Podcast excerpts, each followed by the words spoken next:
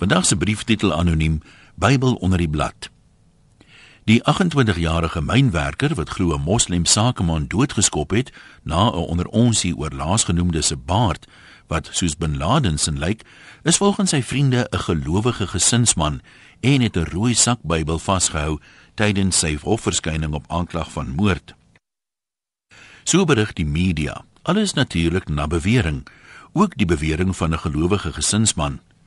Natuurlik wil die media graag hulle koerante verkoop, maar sommige mense staar hulle so blind daarteen dat hulle slaafs glo die media maak sommer al hulle stories self op, maar seker darm nie die een oor die rooi sak Bybel ook nie. Ek mag nou wel anoniem wees, maar niks is vir my meer onverkooklik as 'n klomp Christene wat Bybel onder die blad onder mekaar invlieg nie. En is klaar nie gebeur.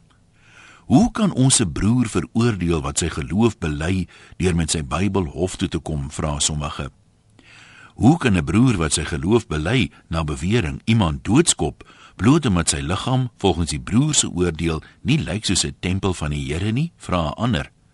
Op die prentjies van Jesus in die Kinderbybel het hy dan ook altyd 'n baard. Sommige wys uit dat om gelowig te wees nie beteken jy's nou sonder foute nie. Natuurlik nie. En natuurlik is almal onskuldig totdat hulle skuldig bewys word. Ook die verdagtes in plaasmoorde. 'n Reaksie hierop word weer aangehaal dat 'n mens die boom aan sy vrugte sal ken.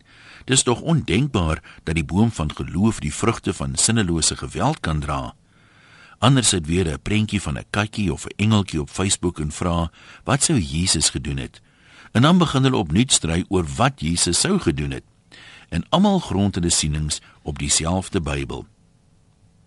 'n Neefie in ons anoniem familie het verlede jaar in die hof begin werk.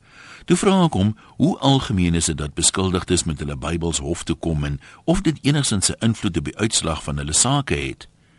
Volgens hom is daar 'n drastiese verskil tussen beskuldigdes wat nog verhoor moet word en die wat reeds skuldig bevind is en nog net gefonnis moet word.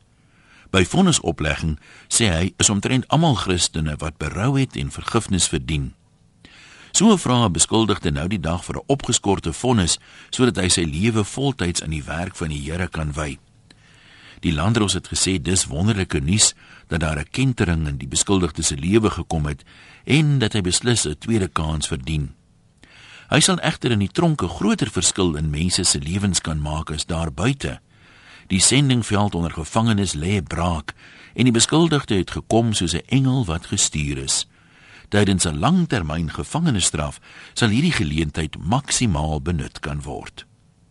Toe ek dit hoor, toe voel ek sommer of my geloof weer versterk. Groete van oor tot oor, anoniem.